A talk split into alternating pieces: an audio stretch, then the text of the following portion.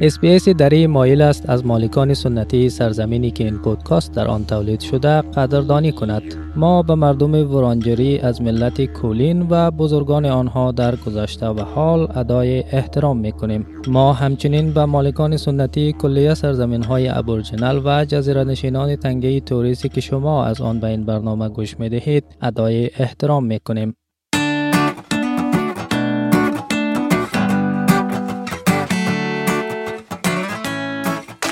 آدم های کمی را می توانید در این دنیا پیدا کنید که خاطره از ساحل نداشته باشند. حتی اگر برای شنا کردن به اونجا نروید، بودن در کنار بحر و قدم زدن روی ها یا شنها چیزی است که قدرتی دیگرگون کننده دارد. سلام من سام انوری از مجموعه پودکاست روزنه به استرالیا هستم امروز درباره فرهنگ ساحلی استرالیا صحبت می کنیم در این قسمت با برخی از شگفتانگیزترین جزایر استرالیا آشنا می شویم و می شنویم که چرا استرالیایی ها تا این حد به این سبک زندگی وابسته هستند.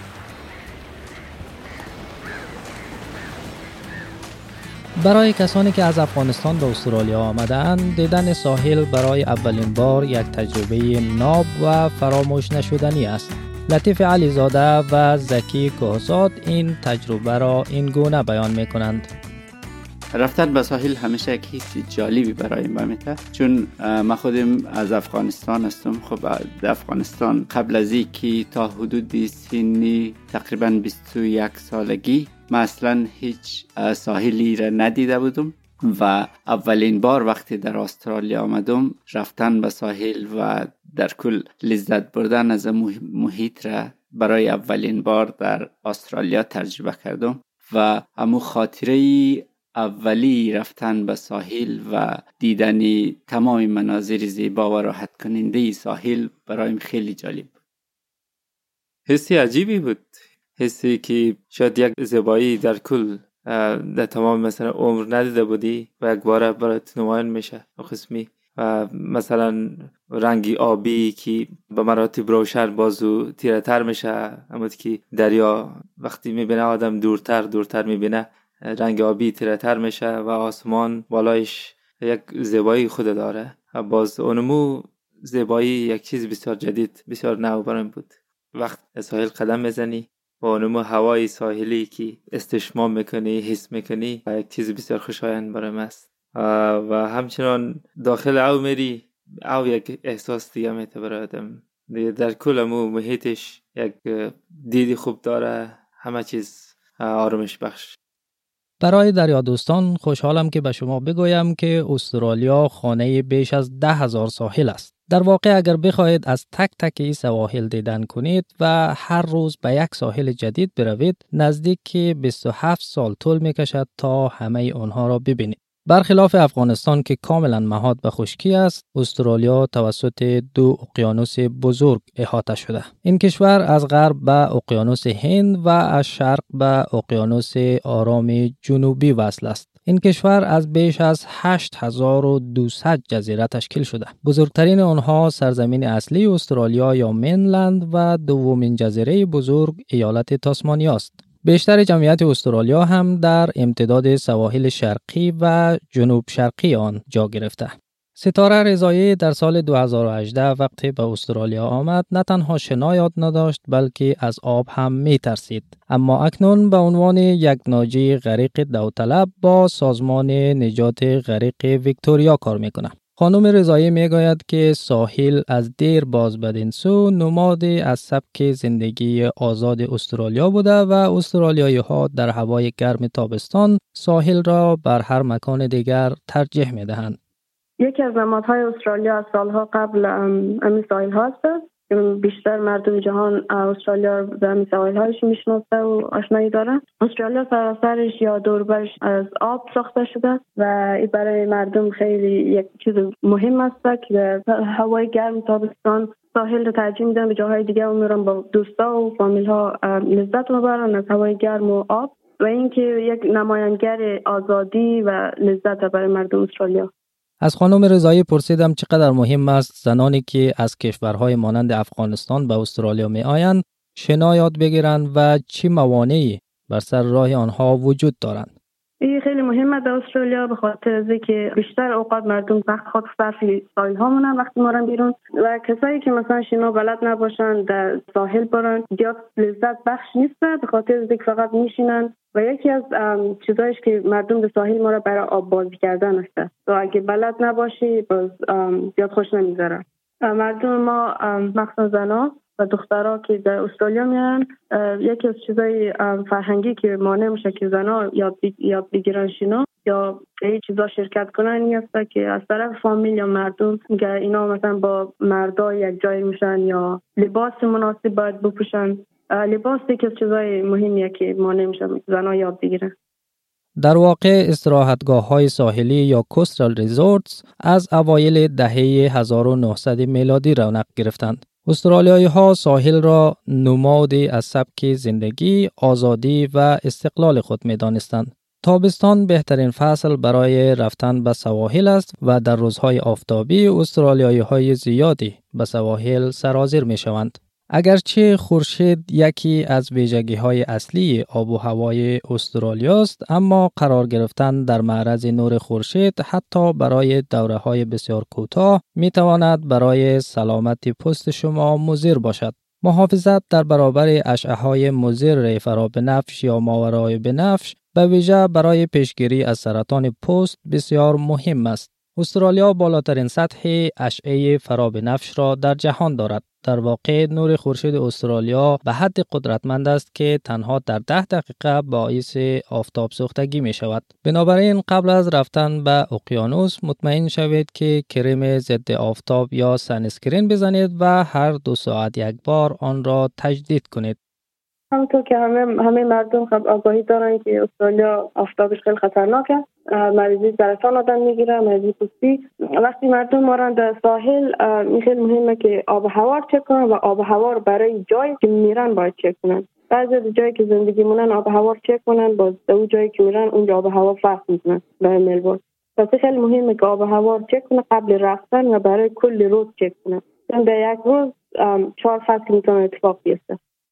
اگر فقط یک بار هم به یکی از سواحل استرالیا رفته باشید حتما متوجه شده اید که قوانین و مقررات زیادی برای استفاده از آنها وجود دارند. به عنوان مثال در برخی از سواحل بردن سگ و در برخی دیگر سیگار کشیدن ممنوع است. افزون بر این اکثر سواحل استرالیا دارای ناجیان غریق حرفه‌ای هستند که تحت پوشش باشگاه های نجات غریق فعالیت می کنند. وظیفه اونها نجات افراد از غرق شدن، ارائه کمک های اولیه و مراقبت های اضطراری صحی است. دلیل حضور نیروهای نجات غریق در اکثر جاها این است که سواحل استرالیا اغلب دارای شکافنده ها و جریان های قوی هستند که برای موج سواری عالی اما در روزهای سخت و طوفانی می توانند خطرناک باشند. به همین دلیل در بسیاری از سواحل استرالیا های سرخ یا قرمز و زرد رنگ را مشاهده خواهید کرد. شما باید بین این ها شنا کنید تا مسئول بمانید. آنها هر روز بسته به شرایط آب و هوا جابجا می شوند. رمزی حسینی سالها به عنوان ناجی غریق در ویکتوریا کار کرده و اکنون هماهنگ کننده پروژه های چند فرهنگی سازمان نجات غریق ویکتوریا است. آقای حسینی می گوید در ساحل استرالیا در کل استرالیا lifesaver است. lifesaver نجات دهنده شما است. کدام وقتی کدام مشکلی دارین کدام سوال دارین همیشه کدام lifesaver دیدین؟ lifesaver یونیفرم که زرد و سرخ است. lifesaver همیشه وقت بیرق بیرق سرخ بر beach برای ساحل میله که اون زرد و سرخ است. چی lifesaver چیزی که equipment داره چی که چیزی boat و کشتی داره که هلیکوپتر داره که هر چی داره زرد و سرخ است. چون که فهمیده شنه کدام مشکل داشتین؟ کدام سوال داشتین؟ همیشه پیشی لایف سفر با این صحبت کن و اگر که می‌خواین شنا کردن برین. همیشه وقت کوشش کن در بین دو بیرق شنا کنین چون که لایف سیور همیشه وقت نگاهش برای شما هست کدام کمک لازمی داشتین؟ اونا برای نجات دادن چیم؟ برای کمک شما جلدی رسانی می‌تونن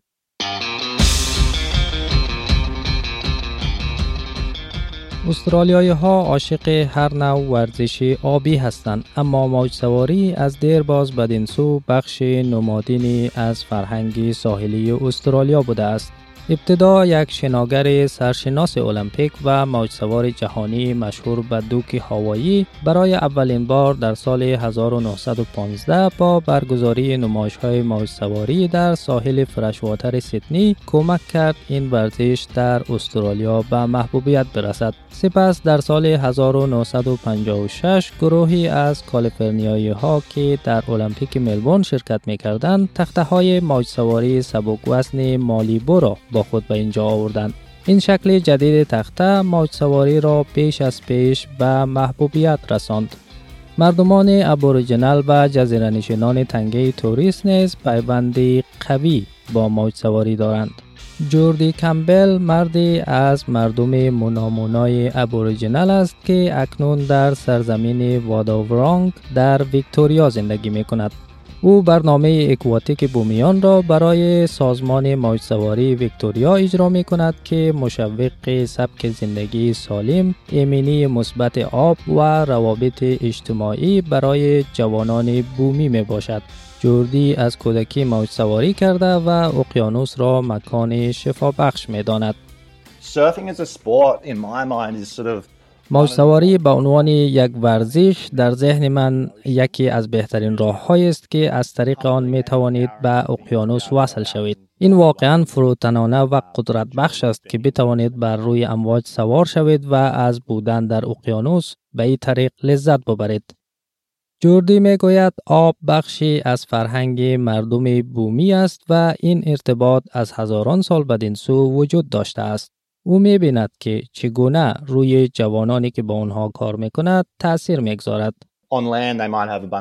آنها ممکن است در خشکی مشکلات داشته باشند اما به محض که وارد آب می شوند می بینند که همه آن مشکلات شسته می شوند. اقیانوس نه تنها برای مردم بومی بلکه برای تمام مردم چنین مکان شفا بخش است. ما به عنوان مردم بومی ارتباط بسیار قوی با اقیانوس داریم. اقیانوس یک منبع غذایی شگفتانگیز برای ما بود. راه شگفتانگیزی برای گشت و گذار ما در اطراف بود. سوار قایق می شدیم و در امتداد خط ساحلی سفر می کردیم. مکانهای ساحلی بسیار مهم وجود دارند که بخشی از خط ساحلی هستند. آب ذاتا بخشی از فرهنگ ما به عنوان مردم بومی است. یکی از کارهایی که ما هنگام رویارویی یک قبیله با قبیله دیگر انجام می دادیم این بود که برای استقبال از مردم در سرزمین خود مقدار از آب می نوشیدیم و سپس آن را به جانب دیگر می دادیم تا بنوشند تا نشان دهیم که نوشیدن از آن به خطر است و ای که ما با هم در امنیت خواهیم بود. بخشی از برنامه موج سواری و پارو سواری یا paddle boarding استاده که جوردی اجرا می کند آموزشی ایمنی آب و جامعه است. پیام های چون شنا نکردن و موج سواری نکردن به تنهایی و ننوشیدن مشروب قبل از داخل شدن به آب بسیار مهمند. درک اینکه همه سواحل استرالیا منحصر به فرد هستند هم مهم می باشد. هر بار که به هر ساحل جدید و مکان آبی تازه می روید همه آنها متفاوت هستند و همه آنها روز به روز تغییر می کنند بنابراین یک روز تورم می تواند بزرگ باشد یک روز می تواند بادی باشد روز دیگر جهت تورم می تواند متفاوت باشد. من هر کسی را که به یک ساحل جدید می رود تشویق می کنم از یک فرد محلی پرسجو کند. تقریبا در هر ساحل استرالیا هر روز موج سواران حضور دارند. آن افراد محلی بهتر از هر کسی ساحل را می شناسند پس من همواره مردم را تشویق می کنم که از محلی ها بپرسند. بپرسند که در آن ساحل چه خطرات وجود دارند. اگر می خواهید موج سواری بروید کجا باید پارو بزنید؟ یا اگر می خواهید شنا کنید محل امن کجاست؟ یا اینکه آیا آن ساحل اصلا برای شنا امن هست یا خیر؟ زیرا اگرچه ما سواحل بسیار زیبایی در استرالیا داریم اما از نگاه شکافنده ها و سایر چیزهای خطرناک ساحلی سواحل بسیار خطرناک هم داریم. خواه صخره ها باشند جریان ها باشند و مواردی از این قبیل. اید محمد یک استرالیایی هزارتبار است که از حدود هفت سال بدین سو در استرالیا زندگی می کند و از مدت سه سال به این طرف مرتب موج سواری می رود. او موج سواری را یک ورزش سخت اما خیلی هیجانی توصیف می کند. خاطر خوب که ما خود خیلی زیاد دارم بخاطر که ما سرفینگ منم سرفینگ هم بسیار یک ورزشی سخت اما بسیار هیجانی است وقتی داخلی ها مثلا هر کوشش که موج ها رو بگیری و بسیار یک هیجان خیلی اصلا تو کسی که خودت داخلی او نری هیچ وقت نمی‌فهمی. یعنی تجربه نکنی هیچ وقت نمی‌فهمی. اما یک احساس توصیف ناپذیر آه نمی‌تونی مثلا دیگه بگی که او کسی که بیرون نرفته باشه داخلی او مثلا موج سواری کرده باشه نه؟ بعد کوشش منو که میشه برم. خیلی خیلی جالب چیز است برای من. لطیف هم در مورد تجربه موج سواری خود می‌گوید. من خودم هم شنار خیلی دوست دارم و در کنار از او بعضی وقتها مخصوصا در آخر هفته برای موج سواری میریم. از جمله چیزهایی که خیلی مهم برای رفتن به ساحل مخصوصا برای موج سواری است. خب sunscreen خیلی ضروری است. باید حتما sunscreen داشته باشین و در کنارش باید آب هوا را بسیار منظم چک کنی. مخصوصا برای surfing باید چیزهایی از جمله سویل که چقدر موج امروز هست نیست روخ باد اینا همه اینها تاثیر گذار برای موج سواری شاید تصور کنید که بزرگترین خطر در سواحل استرالیا کوسه یا شارک است. درست است که کوسه سومین حیوان خطرناک در استرالیا است و هنگام شنا و موج سواری ممکن است با کوسه و سایر حیوانات دریایی برخورد کنید. اما رقم مرگ های ناشی از حمله کوسه در مقایسه با مثلا مرگ های ناشی از گیر افتادن در دام جریان های شکافنده یا ریب کرنت بسیار ناچیز است. به طور متوسط هر سال کمتر از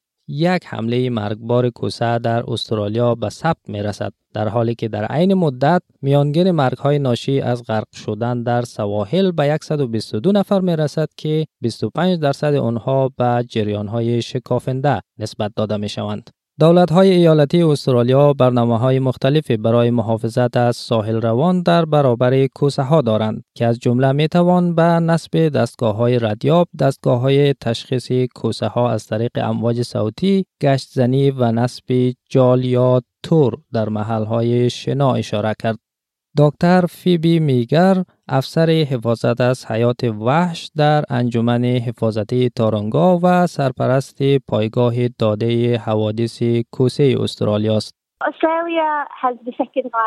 استرالیا از نظر کل تعداد کوسه گزیدگی ها در سطح جهان دومین کشور است. کشور اول ایالات متحده امریکا است و آمار ما در واقع از میانگین نو مورد کوسه گزیدگی بین سالهای 1990 و 2000 به 22 مورد گزیدگی در سالهای 2010 تا 2020 افزایش یافته است. خوشبختانه از بین تمام این موارد به طور متوسط یک مورد مرگ در سال وجود داشته است.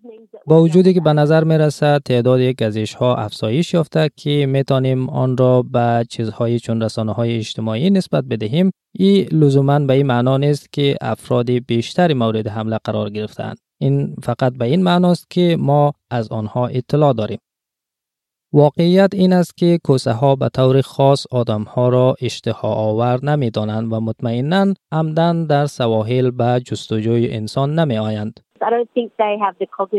من فکر نمی کنم آنها توانایی شناختی برای تمایز بین پستانداران مختلف داشته باشند. در واقع آنها تغذیه کننده های کاملا فرصت طلب هستند. ما از روی داده ها می دانیم که در اغلب موارد اگر یک کوسه انسان را دندان بگیرد به همان یک نیش بسنده می کند و سپس بسیار به سرعت از آنجا دور می شود. به احتمال زیاد قرار گرفتن در زمان و مکان نامناسب می تواند شما را تومه کوسه کند و از منظر کوسه فرقی بین انسان خوک دریایی یا سنگپشت وجود ندارد.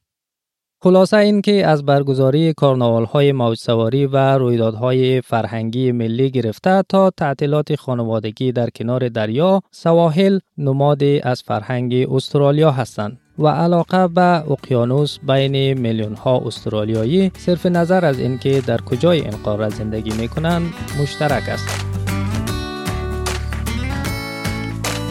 از اینکه به نخستین قسمت از مجموعه پودکاست روزنه به استرالیا گوش دادید سپاس گذارم.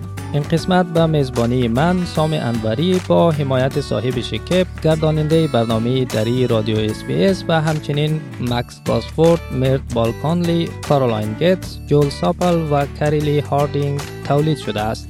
مجموعه پودکاست روزانه به استرالیا در اصل زیر عنوان استرالیا اکسپلند توسط مرام اسماعیل برای SBS Arabic 24 تولید شده بود. برای دسترسی به سایر مطالب SBS دری به نشانی sbs.com.au دری سر بزنید.